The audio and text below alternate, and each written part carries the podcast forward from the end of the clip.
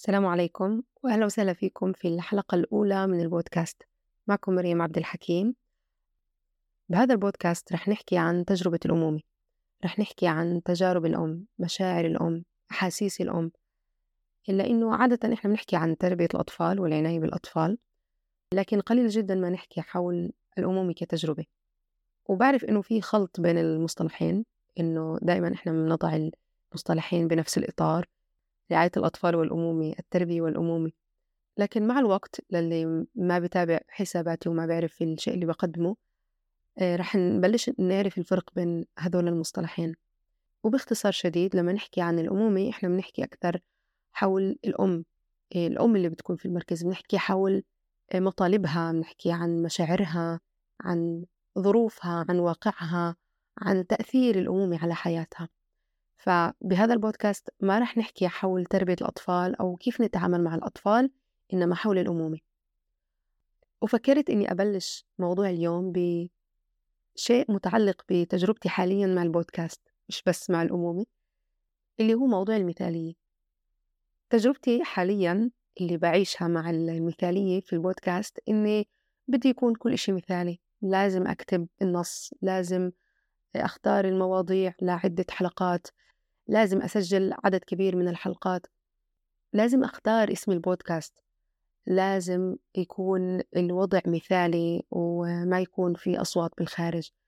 كثير حطيت على نفسي شروط مع إني من زمان كنت حابة أفتح البودكاست.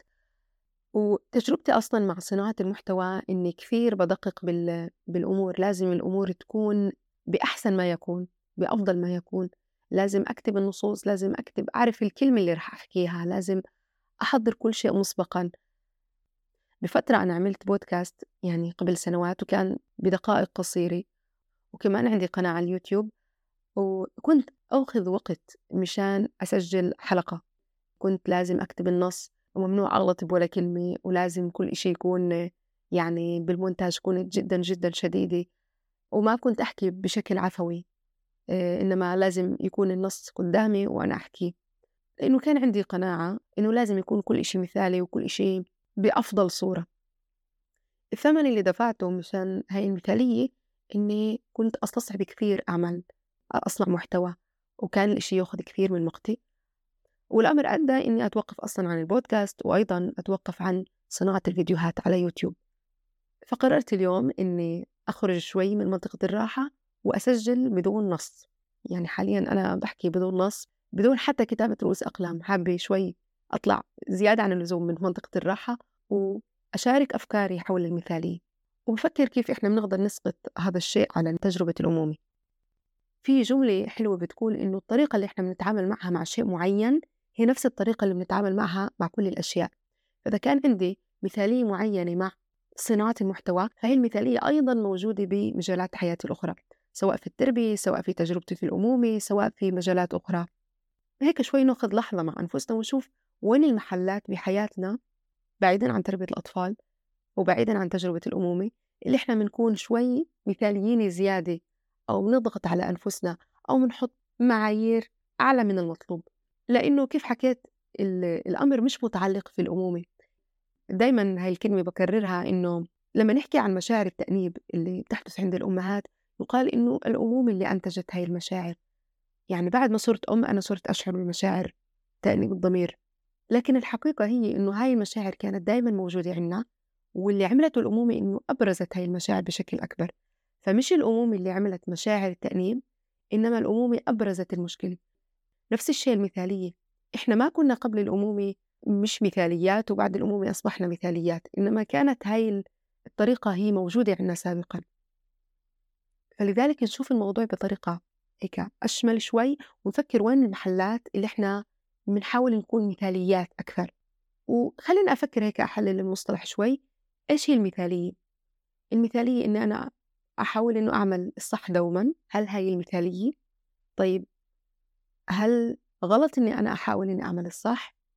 أو يمكن المثالية إني أطالب نفسي بشيء غير منطقي وغير واقعي أو يستنزف كثير من طاقتي بفكر المثالية كمان هي كيف إحنا بنتعامل مع أنفسنا بعد الخطأ.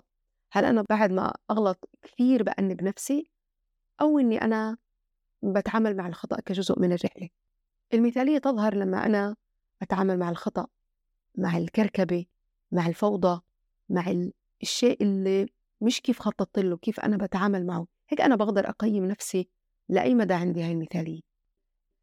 لكن ممكن مرات يصير أمر معين إنه إحنا مش نكون مثاليات إنما تكون معاييرنا عالية سواء في التربية أو في تجربتنا في الأمومة فمثلا نحط قوانين معينة في التربية نحط إنه أطفالنا ما بدنا أطفالنا يكونوا خمس ساعات أو سبع ساعات على الشاشات. آه، ما بدنا أطفالنا الأكل عندهم يكون آه، جدا مخربط وكلياته سكر وما في تنظيم وترتيب للوجبات. بنقدر نقول إنه إحنا بدنا أطفالنا يكونوا منظمين ويرتبوا ألعابهم آه، بعد ما ينهوا. أو ينهوا وظائفهم نقدر نحط هاي القوانين أو هاي الأشياء اللي نطمح إن إحنا نعملها. يمكن مرات نسمع من الآخرين إنه بلاش مثالية.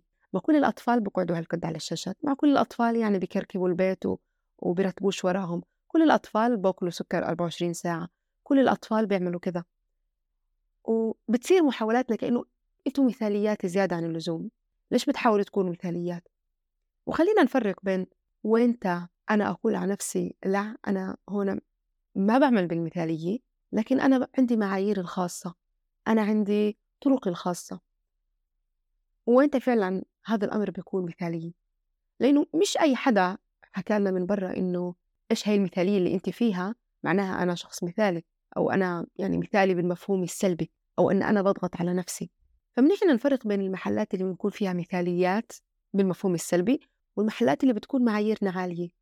اللي بنكون عارفين ليش إحنا هيك بنعمل اللي ما بنعمل طاقة فوق طاقتنا الطاقة الطبيعية المطلوبة إلنا كوالدين ومش بالضرورة تكون طاقة جدا منخفضة بطبيعة الحال إحنا كأمهات في التربية وفي تجربة الأمومة بدنا طاقة.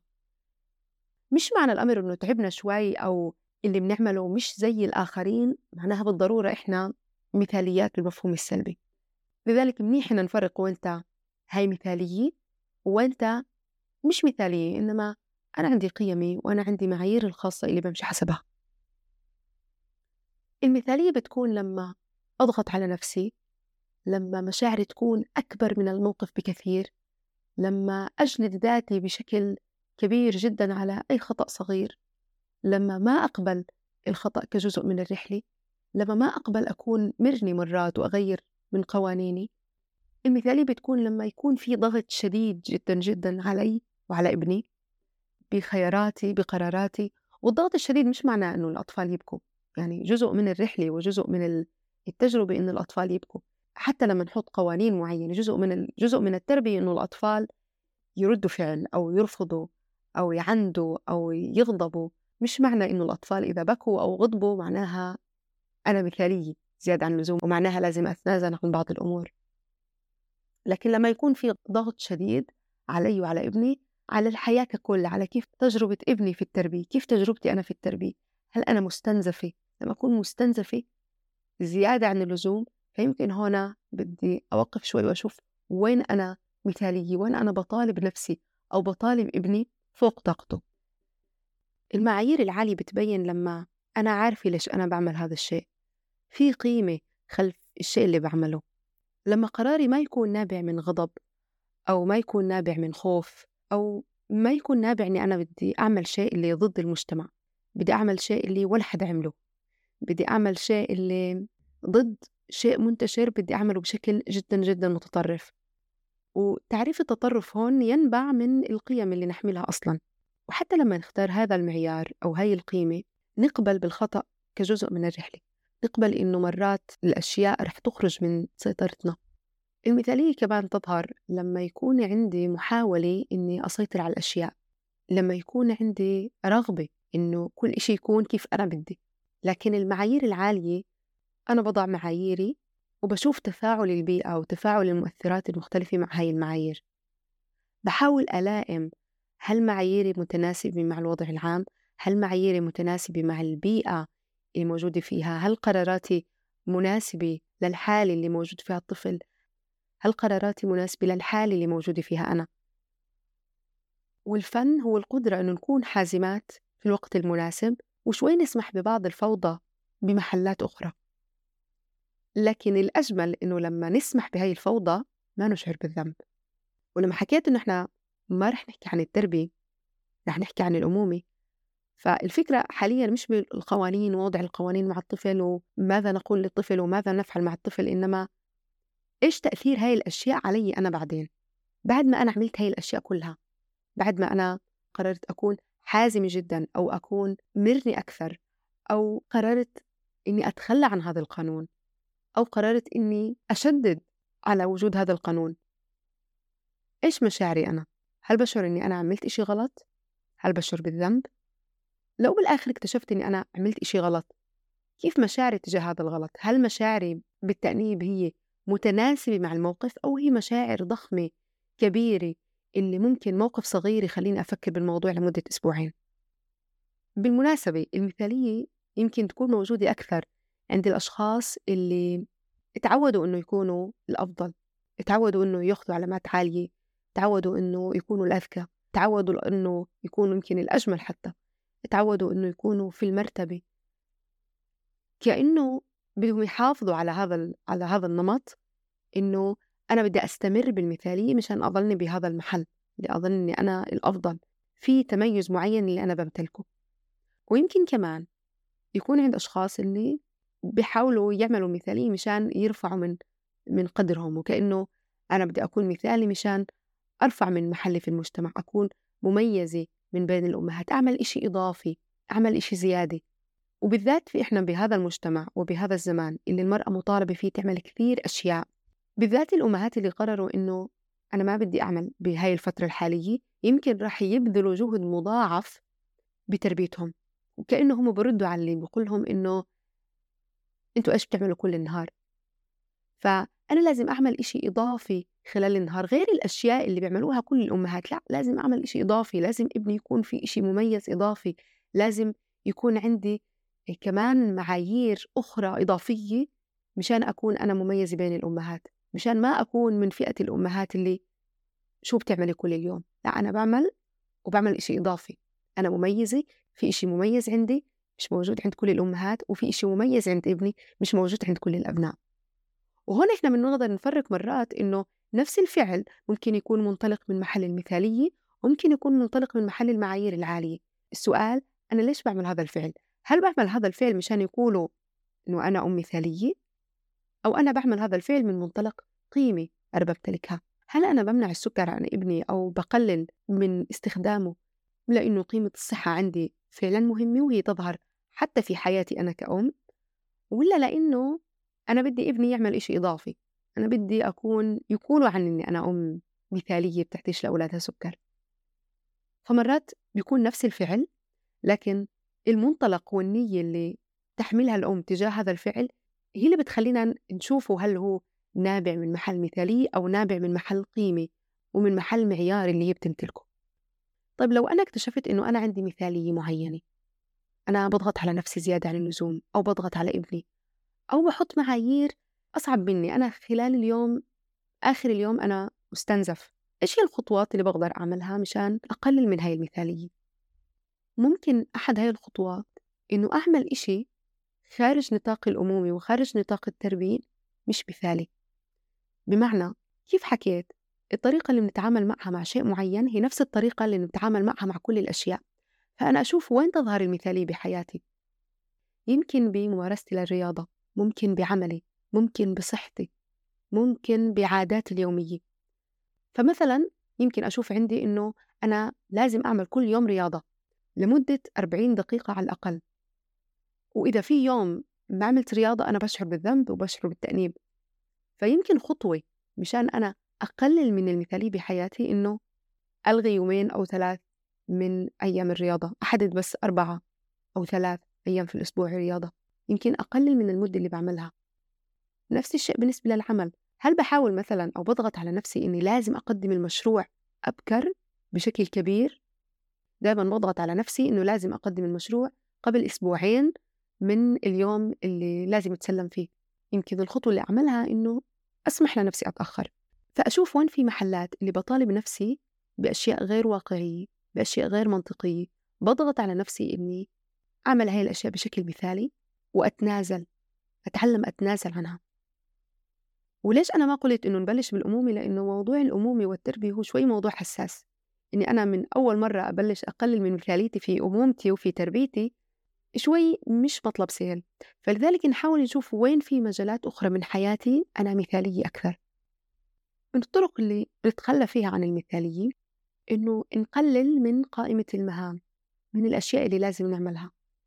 نقلل من الواجبات اللي فرضناها على أنفسنا. لازم كل يوم أعمل هاي الأمور. لازم أخلص هاي الشغلات كل يوم. كل قائمة اللازم اللي لازم أعملها أفكر مين قال إنها لازم؟ كيف بقدر أفوض؟ أقول لشخص آخر يقوم عن هذا الأمر بدلا عني. وبالمناسبة التفويض هو أحد أكثر الأشياء اللي بتساعدنا إحنا نتخلى عن المثالية.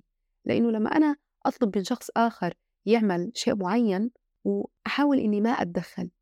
أحط معايير أعطي شخص معاييري أعطيه كيف أنا بحب بس بالآخر ما رح يعمل الأشياء كيف أنا بدي بالضبط. ويمكن هذا فخ تقع فيه الأم في التربية أو في علاقتها مع زوجها إنه أنا ما بدي أطلب مساعدة من زوجي لأنه ما بيقوم بالأشياء كيف أنا بعملها. أو ما بدي أخلي ابني يرتب غرفته لأنه ما بيرتب كيف أنا بدي. وكأنه بدنا الأطفال يعملوا الأشياء كيف إحنا تعلمنا نعملها على مدار سنوات. إحنا بدنا الطفل إنه يعملها بنفس الطريقة وبنفس الجودة. فأحد طرق نحن نتخلى عن المثالية إنه نخلي شخص آخر يعمل الأشياء بدلا عنا. كمان من الطرق إنه نتعلم نضع أولويات. نتعلم إنه يكون أمامنا قائمة مهام قائمة أعمال قائمة أشياء لازم نعملها ونحلل مين أهم. يكون عندنا القدرة إنه نقول هذا أهم الأشياء هذا رقم اثنين وهذا رقم ثلاث. ومش بس على المهام اليومية كمان على تربيتنا لأطفالنا. في كثير أشياء نقدر نعلمها لأطفالنا. في كثير مهارات في كثير دورات في كثير دروس في كثير أشياء نقدر نحكيها في كثير قصص بنقدر نقرأها في كثير قيم نقدر نأكدها. بس الفن إنه نعرف إيش أهم إشي بالنسبة إلي بهاي المرحلة. إيش أهم ثلاث أشياء بالنسبة إلي مهم إنه ابني يعرفها بهاي المرحلة. أفكر إيش أهم ثلاث مشاعر مهم إنه أعيشها مع ابني بهاي المرحلة؟ بدل ما أقول إني أنا بدي أعلم ابني مهارات الرسم وبدي ابني كمان يعرف أحرف اللغة العربية وبدي ابني يعرف لغة إنجليزية وبدي ابني يحفظ قرآن وبدي ابني يمارس رياضات كثيرة وبدي ابني يعمل كذا وكذا وكذا. أفكر إيش أهم ثلاث أشياء مهم بالنسبة لي أمررها لابني. لما يكون عندنا قدرة إنه نضع الأولويات بيكون عندنا قدرة إنه نحرر بعض الأشياء. بيكون عندنا قدرة على التخلي عن فعل بعض الأمور. نقطة كمان بتساعدنا إنه نتخلى عن المثالية ونسمح بالخطأ إنه يكون جزء من التجربة إنه نعرف مساوئ المثالية. نعرف إنه المثالية مش راح تخلي أطفالنا أحسن إشي. بالعكس المثالية هي دائرة مفرغة اللي إحنا بنمررها لأبنائنا إنه كمان لما يكونوا بالغين راح يطالبوا أنفسهم ويضغطوا على أنفسهم ويعيشوا هاي الحياة اللي ملاني ضغط ملاني عدم قدرة على تقبل الخطأ. هل بدنا أبنائنا يكونوا عندهم عدم قدرة على تقبل الخسارة أو عدم قدرة على تقبل الخطأ؟ فأي شيء بدنا نشوفه بأبنائنا المفروض إن إحنا نكون نموذج لهذا الشيء اللي بدهم يتحلوا فيه أبنائنا. فلما نعرف إنه أنا أصلا لما أكون أم مثالية وكل إشي مثالي وكل إشي مخطط إله وكل إشي محسوب هذا مش أحسن نموذج أنا بقدمه لابني.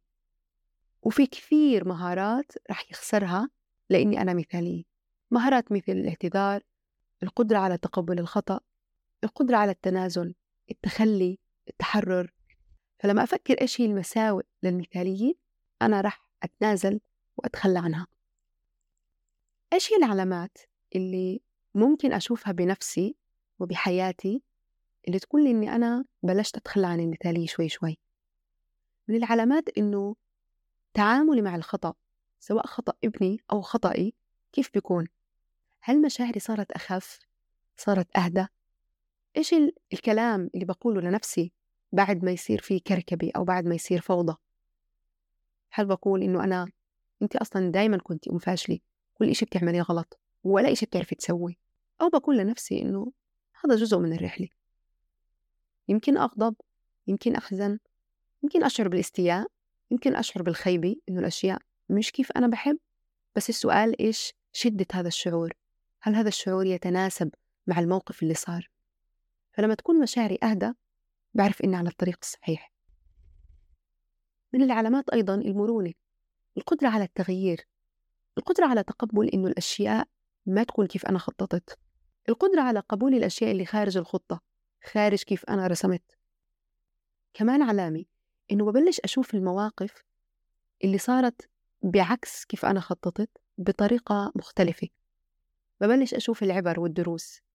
ببلش أشوف إنه المواقف مش ضدي كل المواقف أيا كانت لصالحي. وكيف قال سيدنا النبي صلى الله عليه وسلم؟ عجبا لأمر المؤمن إن أمره كله خير. وليس ذلك لأحد إلا للمؤمن. إن أصابته سراء شكر فكان خيرا له. وإن أصابته ضراء صبر فكان خيرا له. لما نتخلى عن المثالية بنبلش نشوف الصورة بطريقة أوسع بطريقة أشمل. مش بنظلنا عايشين بهذا الموقف بهاي النقطة. أنا سعيدة جدا إني خطيت هاي الخطوة.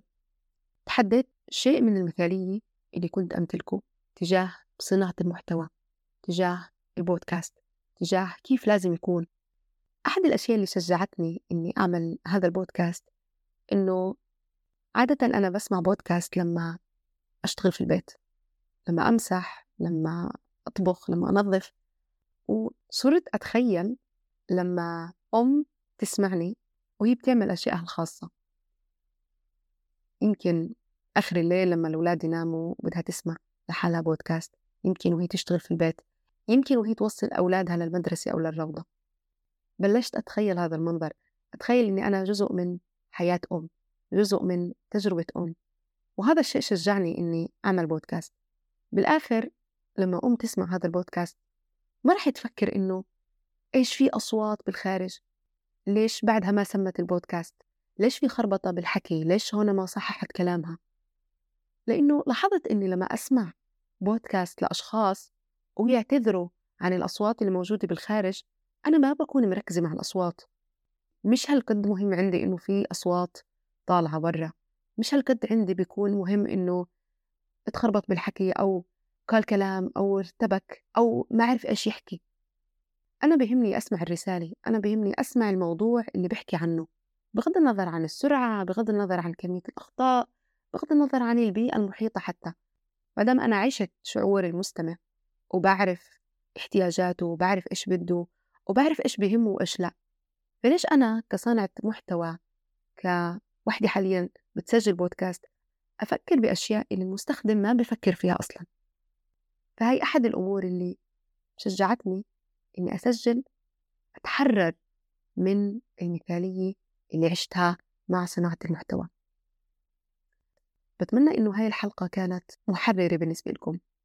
فكرتوا بيها بمشاعر بمواقف بأفكار عشتوا وفكرتوا خلال كلامي مواقف عشتوها مع أبنائكم كلمات قلتوها لأبنائكم وبلشتوا تفكروا وتربطوا المواضيع بالمثالية أو بالمعايير العالية. وينت أنا بكون مثالية؟ وينت ببساطة أنا عندي معايير العالية. بتمنى إنه هاي الحلقة كانت ملهمة وبطلب منكم إنه تشاركوا هاي الحلقة مع صديقاتكم الأمهات وعلى مواقع التواصل. بحب كمان إنه تشاركوني كيف سمعتوا هذا البودكاست.